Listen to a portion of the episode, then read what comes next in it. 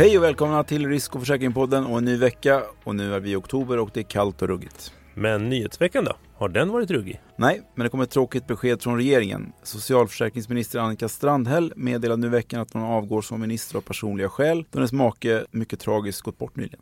Tråkigt att höra. Ny socialförsäkringsminister blir Ardalan Shekarabi, som tidigare varit civilminister. Ardalan är utbildad journalist, så då kanske han tycker att det är roligt att prata lite mer med oss journalister. Just det. Och Stefan Löfven sa på en pressträff att Ardalan Shekarabi kommer att ha en viktig roll när pensionssystemet ska stärkas. Och på tal om pensionssystemet har det ju talats en hel del om de pensionärer som väljer att bosätta sig i Portugal för att där kunna plocka ut sin pension skattefritt. Men nu kanske det är snart är slut med det. Regeringen har i veckan lagt fram en proposition som går ut på att pension och liknande ersättning ska beskattas i den stat varifrån den betalas ut, i detta fall Sverige. Och om det blir dubbelbeskattning, då ska det räknas av och det ska också hanteras av Sverige. Och de nya bestämmelserna föreslås träda i kraft den dag som regeringen bestämmer, vilket kan ske när protokollet har godkänts av parlamenten i de båda länderna. Detta kan tidigast bli den 1 januari 2020. Och efter det så är det inte riktigt lika attraktivt att flytta till Portugals sköna solkust och plocka ut pensionen. Hoppas du inte blir för besviken över det nu Jonas. Nej, jag biter ihop. Mer om pensioner. Per Bolund skrev i en debattartikel i Svenska Dagbladet att regeringen nu tar nästa steg som sänker kostnaderna och krånglet kraftigt för den som vill flytta sin pensionsförsäkring.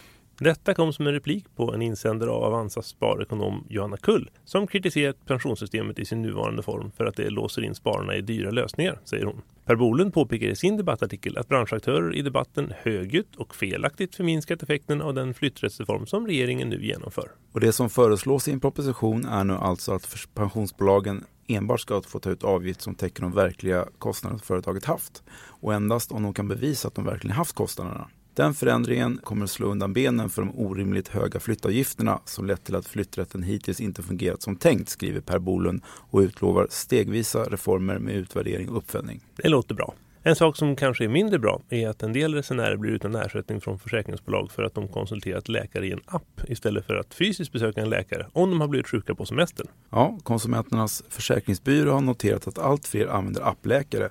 Men för att få ersättning för en avbokad resa behöver man också ha träffat en fysisk läkare. Generellt accepterar försäkringsbolagen för närvarande inte intyg från en digital läkarkontakt via en app eller webblösning. Vi får allt fler samtal från konsumenter som fått avslag på sin begäran om ersättning för till exempel vårdkostnader och förstörda semesterdagar, säger Anna-Karin Balsari Danfors, chef för Konsumenternas försäkringsbyrå.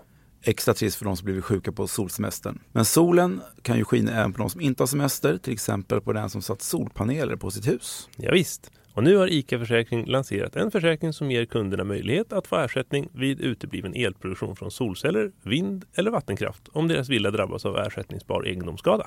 Allt fler småhusägare har lösningar där till exempel solceller täcker deras hushållsbehov av el och sedan säljer den el de inte använder. Vi vill att fler ska våga ta steget och investera i hållbar energiproduktion, säger Johan Nilsson, produktansvarig egendom på ICA Försäkring.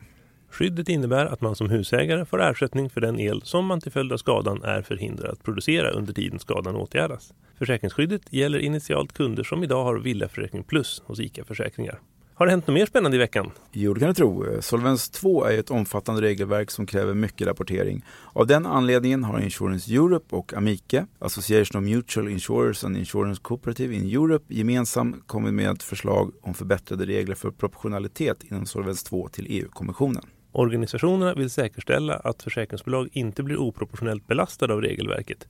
Den stora mängden regler som införs för bolag kan bli oproportionerligt och onödigt betungande relativt deras verksamhet och de risker de har, skriver de. Det kan de ha rätt i. Solvens 2 har drivit fram en hel del konsolidering i branschen då mindre aktörer får svårt att mäkta med de nya reglerna.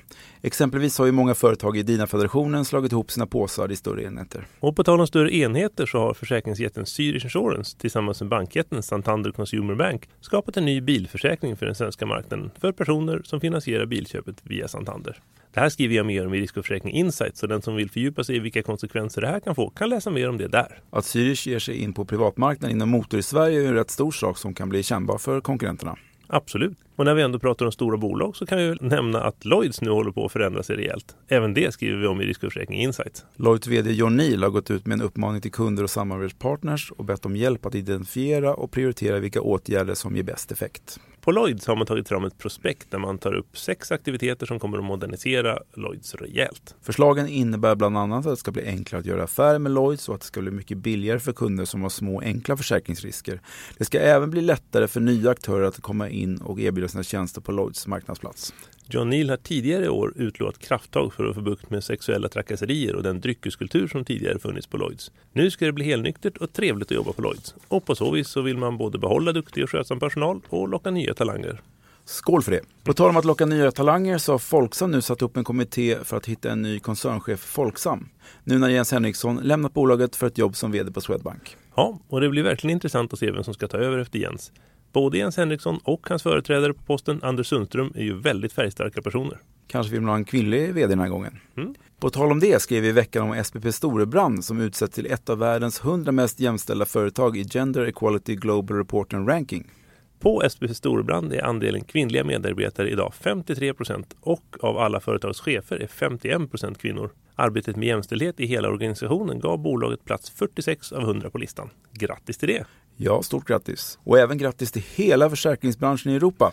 Varför gratulerar vi just den och just nu? Jo, försäkringsbranschen i Europa ökade premievolymen med 6,2 procent år 2018 jämfört med 2017. Och det och all annan statistik om detta kan du läsa mer om i Risk och försäkring Insights där allting sammanfattas. Och igår rapporterade vi också om att eh, Checkpoint Software Technologies och Allians ska förbättra cybersäkerheten för företag i Norden. Nu kommer företag i Sverige, Norge, Danmark och Finland att kunna ta del av tjänster från Checkpoint som en del av Allians cyberförsäkring.